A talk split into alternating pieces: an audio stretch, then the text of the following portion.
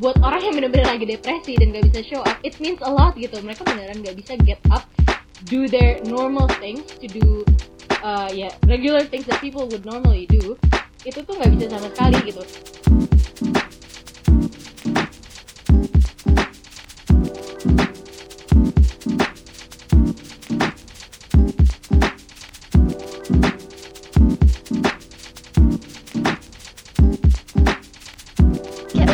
sit down and listen, for we're going to have a tea time with Andrea.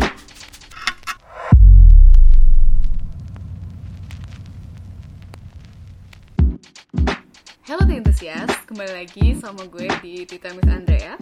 Hari ini gue kedatangan tamu, namanya Naya. Hai Nay Halo. Hai Dre. Apa kabar Nay? Baik, Alhamdulillah, lo apa kabar? Gue ya seperti biasa lah diperbudak oleh diri sendiri astaga bener-bener ya. Yoi. Gimana? Lo lagi sibuk apa nih sekarang? Wow, gimana ya? Uh, gue lagi sibuk uh, jelas-jelas kuliah. Karena gue ngambil semester pendek, gue narik mata kuliah dari semester 5 sama 6 Terus gue juga lagi ngurusin uh, beberapa proyek riset dan ikut lomba sana sini deh. Jadi kayak cukup sibuk sebetulnya. Gitu I see Wah itu sibuk banget sih Gue aja gak berani ngambil SP tahun ini Iya yeah. Udah terlalu banyak kerjaan gue Capek sebetulnya Oh iya kenalan dulu dong Ya yeah. Kenalan dulu dong Oh iya jurusan iya. apa sih? oh iya oke okay. Jadi um, gue itu dari jurusan teknik lingkungan ITB Terus apa lagi nih? Lah aktif di organisasi apa? Hmm oke okay, oke okay. gitu. Oke okay, jadi mungkin saat ini uh, gue paling aktif itu ya di KM ITB atau keluarga mahasiswa ITB yang juga adalah BEM ya. Mungkin kalau di universitas universitas universitas lain sebutnya BEM-nya uh, gue juga sebenarnya uh, kerja di bincang energi sebagai content writer uh, jadi hmm. volunteer di Senyum Anak Nusantara. Dan itu sih sebenarnya yang paling menyita waktu gue tuh di hal, -hal seperti itu organisasi-organisasi ini. Cuman ya nggak apa-apa lah ya Terus kalau tadi ya ditanya hobi, hobi gue tuh sebetulnya membaca dan menulis sih. Gue tuh ke mana-mana pasti harus bawa notebook dan bolpen, pakai harus ada alat untuk menulis lah. Gitu sih. Kirain mau jawab film nih. uh, film itu apa ya? Mungkin interest ya, bukan hobi. Jadi kayak ya oh, ya gue gue gue gak perlu menganalisa film ke mana-mana sih. Cuman kayak ya kalau ada yang gue tertarik baru deh. Dan itu selalu dibawa ke tulisan kan biasanya Oh, oke okay, oke. Okay. Soalnya kan gue kenal lu dari Twitter Cinefil ya. Ah gitu ya. oh bukan dari itu ya. dari itu apa? Dari Cinefil ya. Oh dari sini. Oh bukan iya dari ya. Twitter lu tapi dari Cinefil. Bener banget. Nanti Cinefilnya kita undang ya di episode-episode berikutnya ya. Ditunggu, Kemarin tuh sebenarnya kita udah janji, eh gue sama Maria tuh udah janji mau mm. undang si Cinefil ini. Oh, Cuma, oh gitu. Mm. Ntar deh, ntar Emang kan kalian save the best for the last. Oh, oh gitu ya. Oke, okay, ditunggu ditunggu. Enggak, enggak, enggak. Jangan jangan nanti kalau dia berarti kalau dia dateng hancur dong podcast gue abis itu. Ribet loh, diserang sama diserang orang-orang oh, itu. Iya. Waduh. Bahaya. Ntar ikutan jadi ini gue musuh publik, uh, public enemy. Jangan, jangan, jangan. ya, ini jangan jadi gibah. Jangan, jangan. Oke, okay, ini gue pengen ngomongin tentang ini dulu nih, jurusan lo. Okay. Lu kan anak teknik lingkungan ya? Iya, iya. Ini bener yeah. gak sih sebenarnya kayak stereotip bahwa anak tekling tuh pasti SJW lingkungan?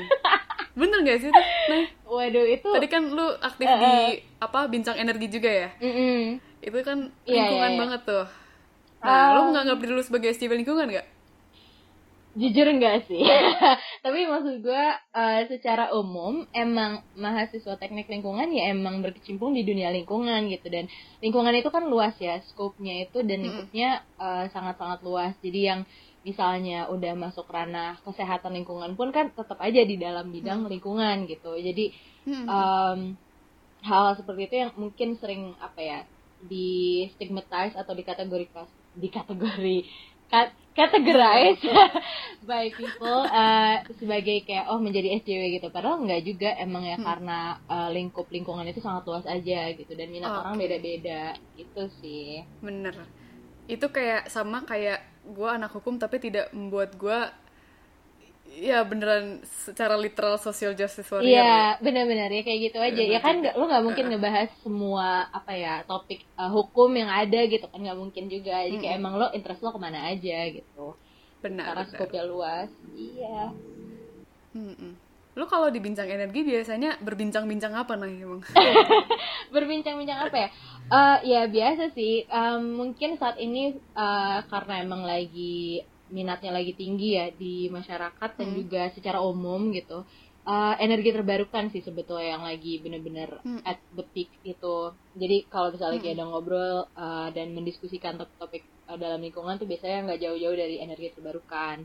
Dan ya po- tentu ob- obviously ya apa ya kayak em, potensinya di Indonesia tuh seperti apa gitu-gitu. Karena balik lagi gitu kayak ngapain kita jauh-jauh belajar kalau nggak bisa berkontribusi buat negara, iya nggak? Iya. bener, bener. Iya Negara kan? mana dulu nih? Eh, wah bahaya tuh. Ntar gue yang diserang lagi. Waduh. Oh ya, oke oke. Potong-potong. Hmm, Ntar dikat buat- nih. Hmm. Oke oke. Ntar gue tuh jujur, nah ini mungkin agak OOT. Gue tuh Ya, bingung oke. kok bisa anak teknik lingkungan. Enggak, ini gue nggak ngomongin lu ya. Ya. Gue ngomongin suatu ya adalah temen gue. Mm-mm. Ada anak teknik lingkungan bisa pacaran sama anak tambang. Itu gimana ceritanya? Gimana? Siapa temen Yang satu yang satu kan mereservasi mencari energi terbarukan yang satunya lagi suka eksploitasi itu gimana kalian nyambungnya ya, di lu. mana Oh gitu. Oh Gimana? ini ini ini temen lo atau siapa nih? Biar gue tahu. ya ada temen gue nah gue nggak perlu sebut lah namanya Oh gitu ya. Oke oke oke. Mm-mm. Eh, gimana cara menghubunginya? Sebenarnya em, gue sendiri sih cukup berpengalaman ya dalam hal itu ya. Gue punya lah teman-teman teman-teman dia. ah temen Ya, ada misalnya- juga nih Hah, gue kira temen gue doang kirain gimana Enggak dong. ceritanya Enggak dong. Ya, jadi gue juga punya teman-teman kan di dunia pertambangan gitu. Dan emang kalau misalnya kalau udah ngobrol dan emang membahas uh, dunia masing-masing gitu ya, maksudnya dia membahas uh, pertambangan dan gue bahas lingkungan tuh pasti bentrok sih. Karena kayak ya tadi lo bilang gitu kan, satu tuh emang uh, berusaha untuk conserve dan protect the environment, satunya lagi kayak udahlah bodo Yoi. amat kayak ya terserah gitu, environment ada untuk dirusak gitu kan kesannya. Um, cuman ya titik nemunya ya ya jangan pokoknya asalkan nggak bahas uh, apa ya kontras dari perbedaan antara dua dunia itu sih. Jadi ya paling misalnya ketemu bahas sih topik-topik lain kayak ya misalnya film Kayak gitu film. kan ya. Film ya gitu kan? Oh gitu. Temen lo kayaknya sama deh ya. Mirip kali ya ceritanya. Oh. Gimana tuh kalau gimana temen lo- sih temen lu temen lu yang mana deh Nay gue gue cuma tahu satu soalnya. Oh gitu. Coba Enggak, tahu enggak. Ini- mutual ini- nih temen ini- kita. itu teman gue gue denger denger aja Oh. gitu. Oh, Gitu. Oke oke. iya. Aduh. Oke oke oke. Terus kalau misalnya kalian tabrakan gitu tuh, maksudnya kayak uh, point of view kalian tabrakan, apa yang kalian lakukan? Apa kayak kalian menghindar dari perbincangan itu secara penuh atau kayak ya udah gas aja gitu ya udah debat ya debat maksudnya kayak Eh. karena menurut gue ya dalam relationship itu kalau lu tidak berdebat itu tidak tidak sempurna gitu relationship lu Oh, gitu mau lu ya? debat soal apa pun menurut gue Uh-huh. iya kayak gue ya ini eh, gue tuh baru dengar cerita temen gue kan. Dia tuh pacaran 6 bulan apa? Nggak pernah berantem cuy dari awal sampai habis eh sampai habis. Dari awal sampai putus tuh kayak nggak pernah berantem ah itu pacaran apaan? Lu pacaran sama Oh, cloning gitu. ya kok bisa? Eh, Oh gitu, enam enam bulan doang ya, astaga. Oke, ya mungkin karena ya, itu kali ya. jangan gitu dong. Ya mungkin karena masih enam bulan kali ya, belum kelihatan gitu kan berantem berantemnya kayak gimana. lama aja oh gitu ya.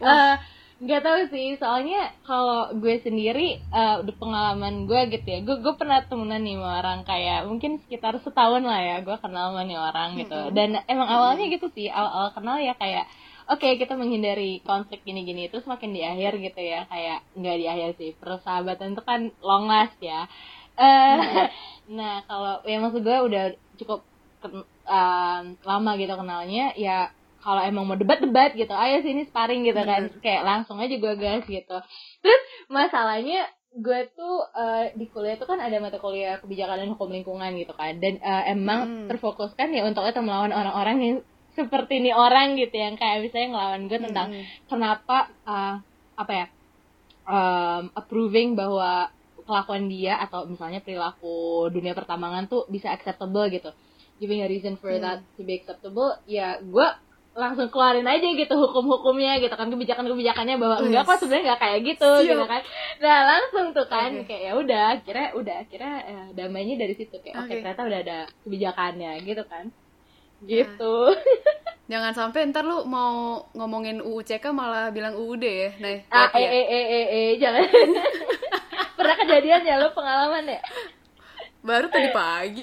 oh gitu Bukan gue enak aja. Jauh gue yang mengingatkan, gue. hanya mengingatkan Oh, pakai iya, emoji iya. tangan. Hanya mengingatkan. aduh parah sih nggak jangan sampai guys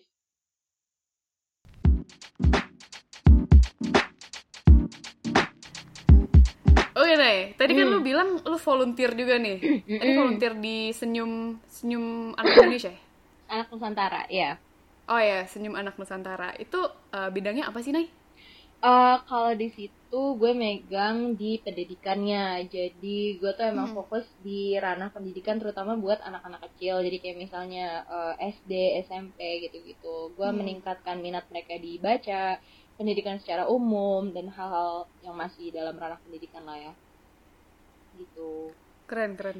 Itu tuh berarti lu kayak ngajar atau lebih kayak administratifnya gitu loh. Kayak lu nyariin guru buat mereka gitu. Enggak sih, eh, turun tangan sendiri kalau gue langsung ke lapangan gitu. Dan eh, apa ya, buat gue pendidikan itu kan luas ya rananya. So, ya sama kayak tadi kita ngebahas lingkungan, hukum gitu-gitu. Pendidikan tuh luas Hmm, hmm, banget. Eh, salah satu approach yang ingin gue bener-bener terapkan itu mungkin eh, juga alasan kenapa lo ngundang gue hari ini kali ya. Karena emang Hmm. eh, minat terbesar gue itu secara umum tuh di em, kesehatan mental atau kesejahteraan mental. Jadi bahkan Hmm. dalam ranah pendidikan pun gue tuh pengen menanamkan gitu ke mereka kayak oke eh, kalian harus punya mimpi gitu. Mimpi tuh sebesar besarnya sejauh kalian bisa eh, berpikir gitu ya kayak kira-kira mimpi kalian tuh mau dibawa ke mana dan segala macam tuh nggak masalah gitu. Tapi pada dasarnya ya jangan sampai kalian lupa bahwa eh, mimpi itu nggak bisa kalian kejar kalau kalian sendiri nggak nggak baik-baik aja gitu jadi tetap aja kalian tuh harus maintain mental health yang baik karena ya gimana caranya kalian mau mencapai banyak hal gitu untuk membantu orang ataupun diri sendiri kalau kalian gak dalam kondisi baik untuk melakukan hal itu Keren, keren. Berarti Hmm. ini lu kayak ngajarin anak SD how to keep their mental health gitu ya? Mm-mm, secara ya mungkin nggak nggak terang-terangan gitu kali ya Eh sebenarnya tuh nggak susah Approach-nya karena gimana? approach-nya ya. Ya kalau gue pribadi tuh ya langsung diajak ngomong aja gitu. Sama aja kayak kita ngobrol sesama gitu kayak eh, tapi ya gue tuh nggak pernah dan gue nggak suka gitu kalau lagi ngobrol sama terutama anak kecil. Gue nggak ingin memposisikan diri gue sebagai yang mungkin lebih tua atau yang lebih tahu. Karena buat gue pengetahuan tuh datang dari mana aja. Termasuk dari anak yang kecil orang tua nggak masalah gitu kan. Jadi saat gue ngobrol sama mereka itu gue gue cuman kayak oke ini yang gue tahu kalau menurut kalian gimana gitu. Dan uh, dari exchange itulah uh, ada apa ya kesadaran yang ter- uh, timbul bahwa oh ternyata yang memang baik itu seperti apa gitu. Ya terutama dalam saya uh, kesejahteraan mental gitu ya. Gimana cara mereka bisa maintain gitu dalam kondisi yang mungkin nggak selalu memadai atau mereka nggak selalu dalam lingkungan yang baik untuk berkembang tapi gimana caranya mereka bisa make sure mereka akan survive gitu at least mentally mereka aman gitu loh nah itu ya dari bincang-bincang diskusi yang dua arah gitu loh ya Hmm. kalau dari gue gitu Oke. Ini eh, boleh tahu nggak kisaran umur anak-anaknya itu berapa sih? kisaran anak-anaknya ya sebenarnya tuh dari kecil banget hitungannya tuh dari umur lima tahunan sampai terakhir tuh gue pernah ngomong sama anak yang umur 12-an ya emang masih Hmm. ranah SD gitu kan ya Mm-mm. I see. Gitu. Terus biasanya lo tuh yang mm, yang nyambung soal mental health atau mungkin yang udah punya masalah tuh di umur berapa sih, Nay? Oh, kalau itu mungkin eh, udah di apa ya organisasi beda kali ya. Jadi gue kan juga megang di organisasi, bukan organisasi sih sebetulnya disebutnya platform atau community ya. Community itu namanya Ganesha Mental Care. Gue tuh tahun lalu eh, sempat jadi content manajernya Ganesha Mental Care. Dan di situ tuh hmm, emang gue tuh fokusnya walaupun gitu ya dalam lingkup masa KM ITB atau masa ITB masa mahasiswa Institut Teknologi Bandung. Tapi em, dari situ gue tuh jadi tahu gitu loh uh, awal munculnya misalnya gitu uh, penyakit penyakit mental ini tuh dari umur berapa kisarannya tuh gue tahu karena mereka uh, orang-orang ini gitu uh, audiens dari Ganesha Metal Career kan banyak yang cerita banyak yang curhat gitu. Gue tuh jadi tahu uh, range umur uh, at least di generasi kita kali ya secara umum tuh udah timbul tuh di umur sekitar kayak ya SMP gitulah kayak umur 14 15 tuh mereka tuh udah secara gimana ya mungkin ada light uh, light symptoms of depression yang ya gue kan juga bukan profesional hmm. ya gue nggak bisa mendiagnosa secara profesional tapi uh, sebagai penyintas uh, depresi gue juga tahu gitu oh ini tuh kalau misalnya terus uh, terpicu seperti ini bisa jadi chronic depression gitu misalnya jadi gue hmm. tahu gitu loh bahwa semuda itu pun mereka tuh udah ngalami hal-hal berat gitu yang pada akhirnya emang jadilah gitu mental illness itu hmm. oke okay tadi ngomong-ngomong diagnosa ya mm -hmm. um, menurut lo gimana sih orang yang ngelakuin self diagnosis kayak tadi stumbled upon a tweet by some stranger I don't know mm -hmm. dia kayak ngeren soal nih quote unquote bocil-bocil yang aku mm -hmm. kena sakit mental mm -hmm. siap gak ya kalau disuruh bayar terapi dan obat bla bla bla yeah. terus kayak intinya ya dia ngemojokin apa orang-orang yang self diagnose gitu mm-hmm. menurut lo itu gimana sih apakah ada di balik self diagnosis itu ada permasalahan struktural sebenarnya dan bagaimana cara kita meng kayak misalnya ada orang yang datang ke kita dengan self diagnosisnya mm-hmm. itu apa yang harus kita lakukan gitu menurut lo Oh oke, okay. itu pertanyaan bagus banget sih karena uh, gue lebih sering denger debatnya ya orang ini mengenai self diagnosis pro and hmm. con and uh, such things. Cuman gue hmm. kayak hampir nggak pernah nemuin orang yang benar-benar pengen tahu uh, gimana caranya harusnya seharusnya kita menghadapi itu gitu. Ketika ada orang atau teman datang ke kita dengan self diagnosis. Hmm. Uh, mungkin pertama-tama ya gitu, uh, gue pribadi both sebagai penyintas dan juga uh, yang sekarang mungkin sangat mengikuti dunia kesejahteraan mental ini gue nggak setuju yang namanya self diagnosis karena itu hmm. bisa misleadingnya tuh jauh bukan hanya hmm. ke orang itu sendiri tapi juga ke bidang profesional itu uh, menurut gue disrespectful gitu seperti kurang menghargai hmm. uh, tenaga profesional gue juga merasa um, apa ya di satu sisi itu bisa sangat merugikan orang-orang di sekeliling dia. Karena misalnya gini lo sebenarnya nggak depresi tapi lo mengaku-ngaku depresi buat orang lain tuh jadi kayak uh, bingung gitu loh caranya harusnya ngehandle lo. Misalnya kayak menghibur orang sedih sama orang depresi itu kan beda ya.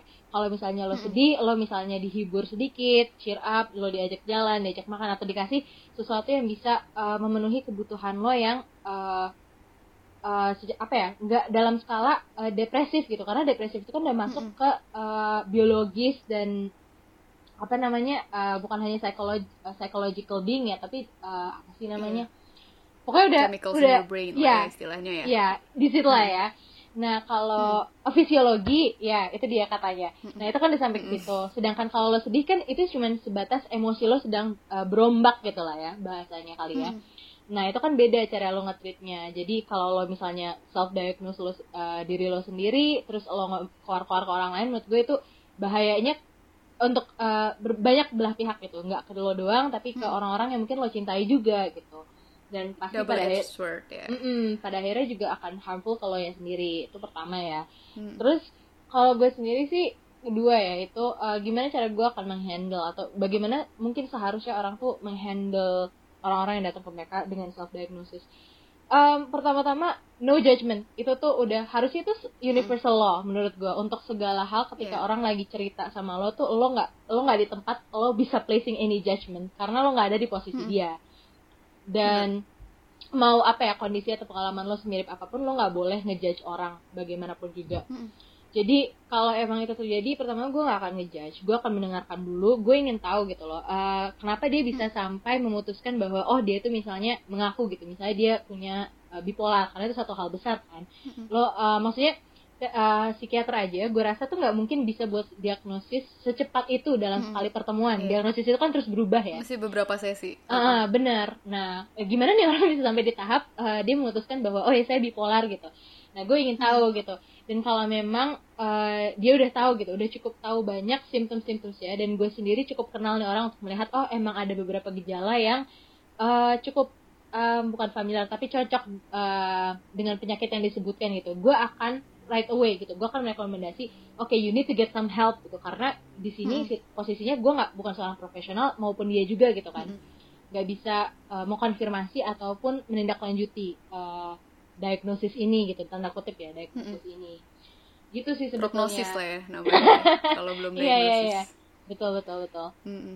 dan kalau misalnya ya mungkin akan timbul lagi pertanyaan kayak gimana kalau misalnya orang ini nggak punya nggak uh, dalam apa ya uh, status finansial dia nggak mencukupi untuk uh, hmm. go for therapy gitu gitu um, sebetulnya tuh zaman sekarang banyak banget akses di mana lo tuh bisa seek for help gitu ya mungkin hmm. um, mungkin nggak se ya misalnya kayak lo ke rumah sakit gitu se profesional dan se apa sih bahasanya mungkin ya se apa sih bahasanya ya gitu kali ya nggak seproper itu tapi ada bantuan itu ada dan ketika lo mencari hmm. yang gratis pun dan uh, dokter-dokter hmm. dan konsultan juga itu yang ingin memberikan bantuan tuh banyak banget gitu jadi hmm. uh, jangan sampai lo tuh di titik kayak uh, terlalu menganggap remeh bantuan sampai lo tuh merasa hmm. kayak oke okay, nggak ada orang lagi yang mau bantu gue jadi gue harus self diagnosis diri sendiri gini gini gitu menurut gue itu uh, it's such a shame gitu loh karena bener-bener hmm. gitu gue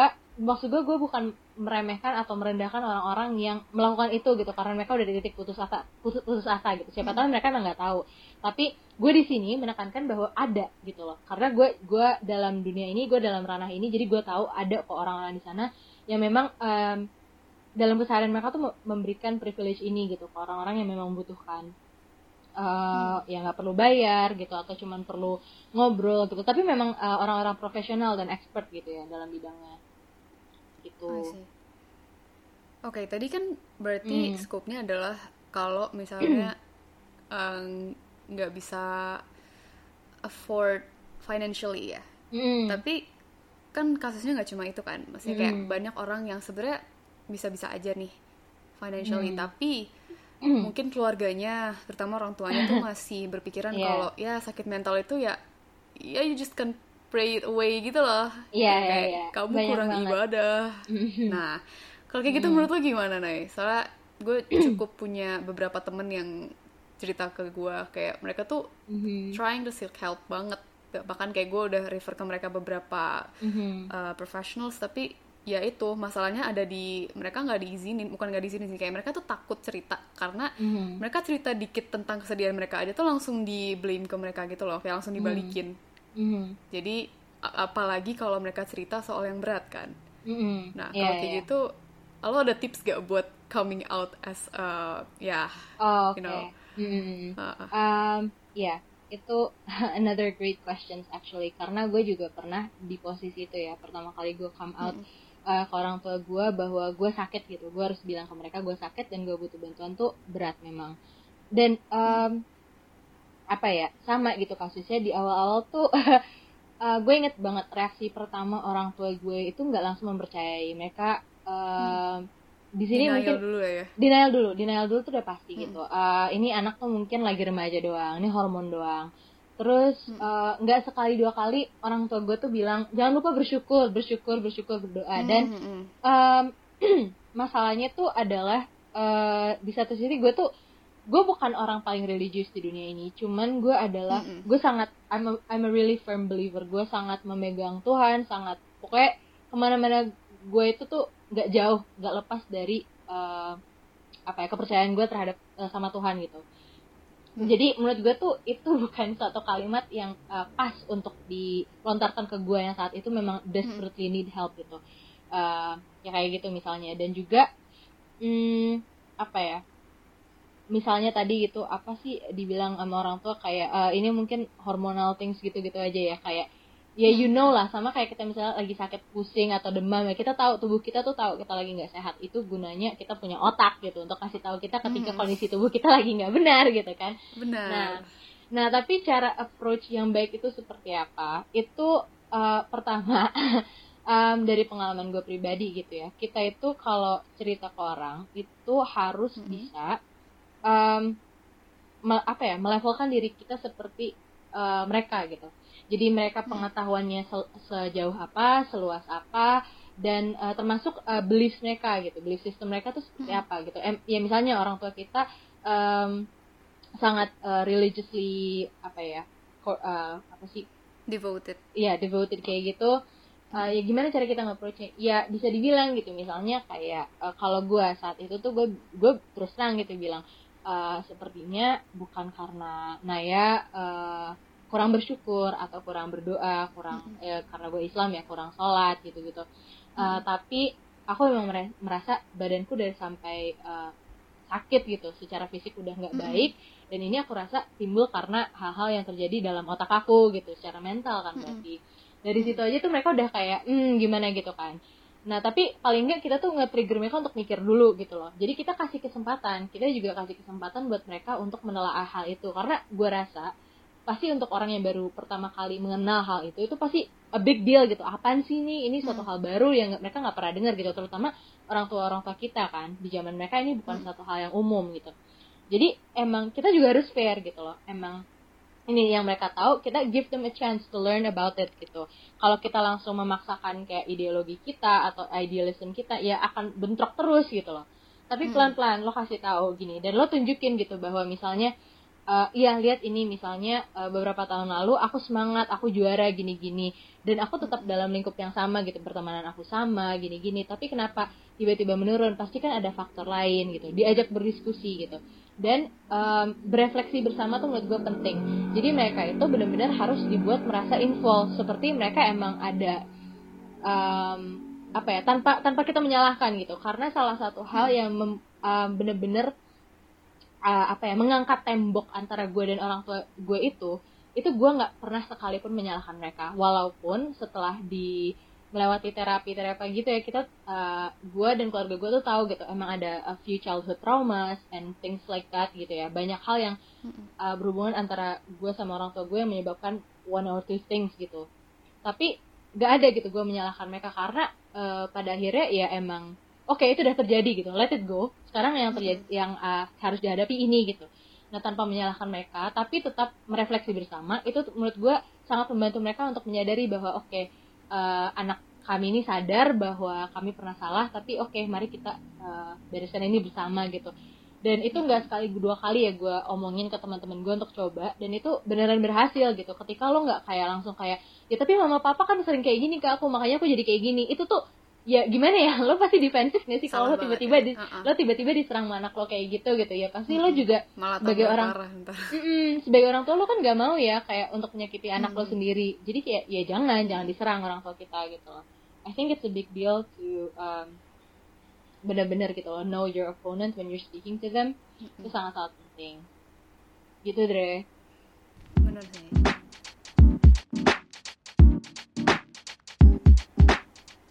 gue pengen ini deh pengen hmm. tahu cerita personal lu nih boleh nggak gimana gimana cerita yang mana nih Gak sih kayak uh, nggak gue hmm. pengen tahu aja coping mechanism lu kayak gimana terus kayak how did you deal with uh, depression kalau lo lagi mm -hmm. uh, kalau lagi kambuh gitu mm -hmm. Uh, how did I deal with it ya? Um, mungkin dulu karena sekarang gue udah depression free ya, alhamdulillah. Hmm. Tapi alhamdulillah. saat gue masih dalam fase depresi itu gimana cara gue coping? Um, gue itu orangnya sangat sebetulnya enggak sih gue nggak mau melabeli diri sendiri A dan B dan C. Tapi gue merasa gue mm -hmm. I prefer to have a lot of me time gitu ya. Um, dan karenanya saat me time itu kan kita uh, karena kita sendiri gitu. Biasanya tuh justru rentan uh, waktu-waktu rentan lo bisa memutuskan untuk misalnya menyakiti diri lo sendiri atau ya pokoknya do things yang harusnya nggak lo lakukan gitu. Tapi uh, gimana cara gue cope? Ya itu gitu loh. Gue di situ memutuskan misalnya instead of uh, spending my me time to hurt myself ya gue lari ke misalnya gue menulis gitu. Karena tadi gue bilang kan hobi gue hmm. menulis. Oke okay, misalnya gak harus gitu loh. Gue rencanakan gue mau menulis apa. Tapi gue lakukan. Gue memaksa diri gue untuk menulis gitu. Misalnya gue lagi kesel hmm. sama ortu gue Enggak sih, gue jarang melakukan hal itu. Tapi misalnya ya, misalnya gue kesel gitu, apa pun yang gue rasa, sampai kira gue nyampe gitu di titik, oh ternyata gue tuh nggak marah sama mereka loh. Gue alasan gue marah itu tuh bukan karena mereka, karena gue misalnya kecewa, gue udah ada ekspektasi uh, dulu sebelum uh, gue ngomong sama mereka dan semacamnya. Jadi after that I make peace with the feeling dan akhirnya ya udah gitu udah gitu. Oke okay, ternyata cuman marah yang berlalu saja gitu misalnya. Atau ada masanya uh, gue untuk stopping myself from self harming like di masa-masa itu lagi parah banget ya um, warna merah tuh buat gue stand out banget ya karena diasosiasikan hmm. dengan darah kan ya itu hmm. gue emang karena mental gue lagi cacat bisa dibilang uh, hmm. itu ke badan gue tuh ada reaksi tertentu yang membuat gue merasa nyaman ketika gue melihat warna merah jadi instead of uh, seeing my blood ya gue ngambil cat gue ngambil cat merah gue warnain lah ah. kertas merah ke mana-mana gitu terus kalau misalnya gue udah parah banget gue ambil spidol merah and like ya udah I draw all over my hand itu jauh lebih baik daripada gue ah, misalnya okay. commit to self harm hal-hal kayak gitu misalnya mm -hmm. it's not the most ideal tapi ya yeah, it's a coping mechanism yang bisa dilakukan instead of directly hurting hurting yourself I see. Terus kalau misalnya lo tadi kan kita ngeliat dari point of view orang yang diceritain ya. Mm. Tapi gimana sih caranya supaya kita tuh bisa cerita sama orang? Uh, I mean mm. uh, dalam hal profesional gitu. Misalnya kita udah uh, berhadapan nih dengan seorang psikiater, tapi kayak dia nanya kita tuh nggak bisa open up gitu loh. Kayak mm. kadang kan ada kayak ya kita enggan aja gitu karena mungkin belum percaya atau kayak mm nggak cocok mm. gitu kayak menurut lo gimana sih caranya supaya uh, seeking professional help itu tuh efisien gitu loh hmm oke okay. mm. Um, kalau gue pribadi tuh pasti balik lagi ke mindset gue ya awal gue datang ke situ tuh buat apa gitu? Ya why would I waste so much money? Kalau emang uh, gue gak akan dapat apa yang gue mau kan gitu. Itu mungkin suatu pandangan yang terlalu uh, money oriented banget. Tapi in a way in a way itu sangat ya, membantu gak sih? gitu. realistis kan? Ya maksud gue kayak sih. ya nggak sih? Kayak lo menghabiskan segitu mm -hmm. banyak duit ya buat apa kalau lo nggak akan dapat apa yang lo uh, misalnya datang itu untuk apa sih gitu ya? You have to get it mm -hmm. gitu kan.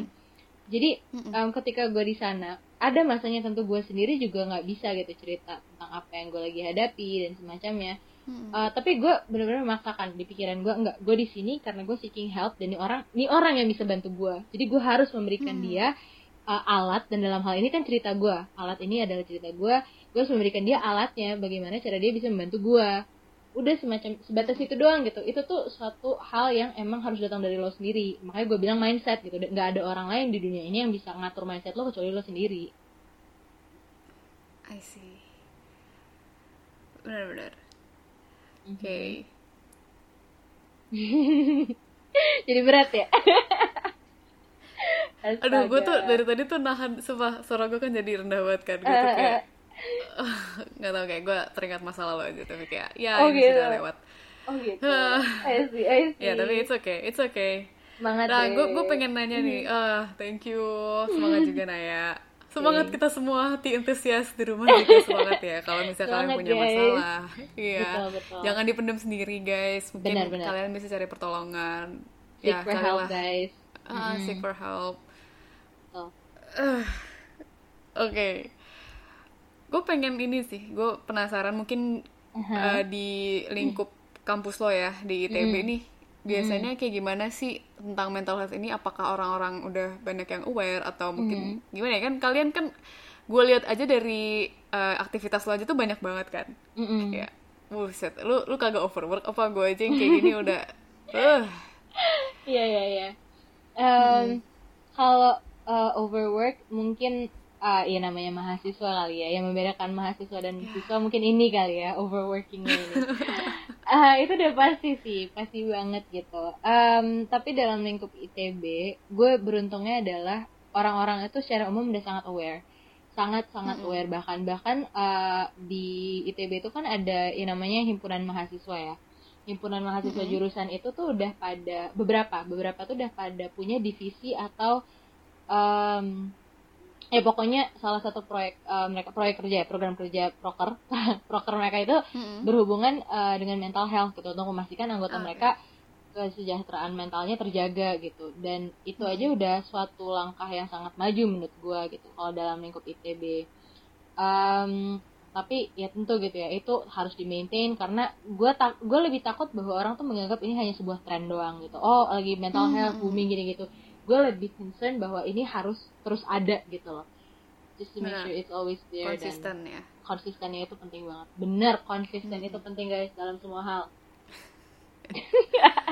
Bukan nyindir siapa-siapa sih guys. Eh apa nih? Apa nih? Eh, gue tidak ada. ya. gue tidak ada sindir sindiran loh di sini padahal. Oh gitu ya? Oke oke. Gue juga kok kan tadi makanya gue bilang enggak oh. gitu. Oke. Oke gitu. Ada ntar orang yang denger nih pas ini. Wah gawat gawat. Eh, jangan deh jangan. Aduh aduh. Duh, jangan. Jangan. apa nggak apa. Hmm. biar dia makin penasaran tertarik nih untuk ngisi episode selanjutnya. Ya oh gitu ya. Aduh oke, ntar oke. anak ITB semua nih podcast gue buset dah. Iya ya. Kan dari kemarin yang pertama juga kan. Ya. Wah mantap. Sih. ya. Hmm, mantap mantap. Terus terus Nah, nah, gimana sih caranya kita ngadvokasiin kesehatan mental ini di kampus? Soalnya kan ya nggak semua orang tuh dan nggak semua jurusan, nggak semua fakultas tuh punya Hmm. stance yang sama sih. Maksudnya kayak kan ada tuh beberapa jurusan yang kayak abang-abangan banget nih kayak wah gue ngerasa gue kuat, gue tidak perlu bantuan tentang kesehatan mental gue. Iya, kayak iya, gue iya. bermental baja. Deh. Menurut lo kayak gimana tuh kalau untuk menghadapi orang-orang yang denial kayak gitu? Mhm. Um, eh Dre sebenarnya gue mau uh, nyemprot uh, kecoa dulu. Jadi apa ya cara kita mengadvokasikan isu ini ke masa kampus itu bisa dari uh, misalnya kayak kita mulai buat platform gitu platform interaktif buat mereka misalnya mulai dengan cerita gitu anonim gitu. Um, adminnya itu nggak nggak nge-reveal dirinya sendiri jadi kayak cara mereka cerita juga akan merasa aman gitu kan nggak tahu kayak ngomong sama tembok aja kesannya kan tapi dapat balasan sih. Kalau tembok kan enggak. Nah jadi bedanya kan gitu kan ya. Dari hal-hal sekali gitu aja tuh udah uh, membuat orang-orang sadar bahwa oh ada loh orang yang peduli gitu. Dan uh, masalah yang saya alami ini ternyata either mereka sadar bahwa ternyata nggak sebig deal itu maksudnya nggak sebesar yang mereka pikirkan atau mereka jadi sadar bahwa oke sebesar apa pun masalah kita ada orang lain kok di luar sana yang peduli gitu tentang uh, kondisi kita untuk menanyakan kabar dan semacamnya. Itu udah hal paling simple gitu. Kalau emang mau ekstra banget ya tadi gitu. Misalnya lo bikin proker dalam kepengurusan lo untuk uh, spesial ya untuk mental health gitu. I think that's like a lot of effort. Tapi Mm-mm. ya itu salah satu bentuk advokasi gitu kan. Terus juga bisa jadi kayak misalnya kayak gue gitu. Gue gue tuh sangat banyak ngomong tentang mental health gitu di sosial media kan kalau lo sadar ya. Mm-mm. uh, misalnya gue uh, ngomong tentang trauma apa sih trauma gitu. Karena gue rasa itu sering banget terlep, uh, terlontar gitu kan di antara uh, mahasiswa gitu. Eh gue trauma lo kemarin uh, ketemu dosen gini-gini. Tapi apa sih trauma gitu? Lo tahu nggak sih sebetulnya trauma itu apa? Terus misalnya apa yang membedakan uh, tadi gitu uh, rasa sedih sama depresi? Hal kayak gitu yang uh, orang masih sering take it lightly gitu ya. Nah itu gue advokasikan lewat misalnya uh, platform gue personally gitu ya. Gue bikin insta story edukatif interaktif.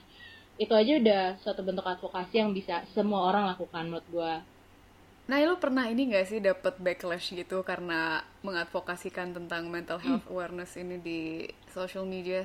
Oh, pernah banget. Ini ini mau kita sambil gasin gak orangnya yang ngakuin itu? Waduh, boleh. Aduh, bahaya. Eh, bahaya, Bahaya. bahaya. Ini jadi Jangan, eh, jangan. Ini tuh bukan tea time tuh bukan maksudnya numpahin teh ya. Ini tuh Oh, gitu ya ya? udah literal minum teh aja sebenarnya. Oh gitu, iya iya bener juga sih. Iya, Bah- jangan disalahartikan. bahaya bahaya. Soalnya teman-temannya guys. kampus nih. Eh eh eh eh eh. Gimana nah gimana? Ah iya, jadi gue pernah sih bahkan sama teman-teman kelas gue ya, gue berharap mereka dengerin podcast ini sih jujur aja. Eh eh, gimana ya? Nanti dikasih aja linknya ke mereka. Oh iya pasti, anjay enggak enggak, gue nggak gue nggak ngajak ribut guys. Kalau kalian denger ini, sumpah gue nggak ngajak kalian ribut. Tapi maksud gue, it, it happens bahwa orang-orang tuh jauh lebih gampang seperti yang kita udah omongin di awal ya, ngejudge orang itu sangat jauh lebih gampang ya, termasuk gue sendiri gitu. Um, which is yang gue berusaha kurangi. Um, gue cukup sering di awal tuh dapat backlashnya adalah ini kalimat kayak uh, having a mental illness does not justify you being a shitty person. Itu gue yakin semua orang udah denger gitu ya. Nah mungkin yang uh, orang sering salah pahami adalah beberapa symptoms dari mental illness itu adalah those shitty behaviors itself gitu, ngerti nggak? Jadi misalnya misalnya lo depresi gitu dan lo bilang sorry gue depres gue nggak bisa show up itu orang sering bilang kayak oh itu jadi alasan. To an extent mungkin ada orang mungkin sangat mungkin ada orang menggunakan alasan itu untuk get away from uh, tanggung jawab gitu ya misalnya. Sekaligus romantisasi juga ya. Itu juga itu juga. Itu tuh akan ada. Tapi buat orang yang benar-benar lagi depresi dan gak bisa show up it means a lot gitu. Mereka beneran gak bisa get Yeah. up do their normal things to do uh, ya regular things that people would normally do itu tuh nggak bisa sama sekali gitu. Saat gue depresi gitu misalnya. At the bottom at my worst times saat gue lagi bener-bener at the peak of chronic depression gue tuh bahkan nggak bisa get out from my bed. Gue sampai nggak bisa segitu gitu. Padahal kayak cuman apa sih keluar dari tempat tidur nggak sih? Kayak harusnya suatu hal yang iya. umum dan gampang dilakukan tapi gue nggak bisa. Gue dulu Dan- seharian main Hungry Shark.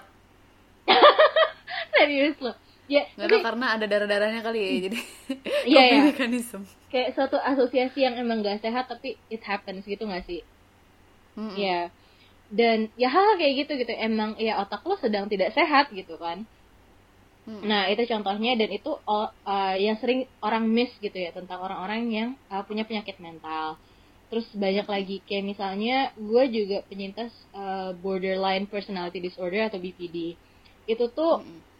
Gue sangat sangat takut sama yang namanya abandonment excessive abandonment fear gue tuh sangat parah waktu itu.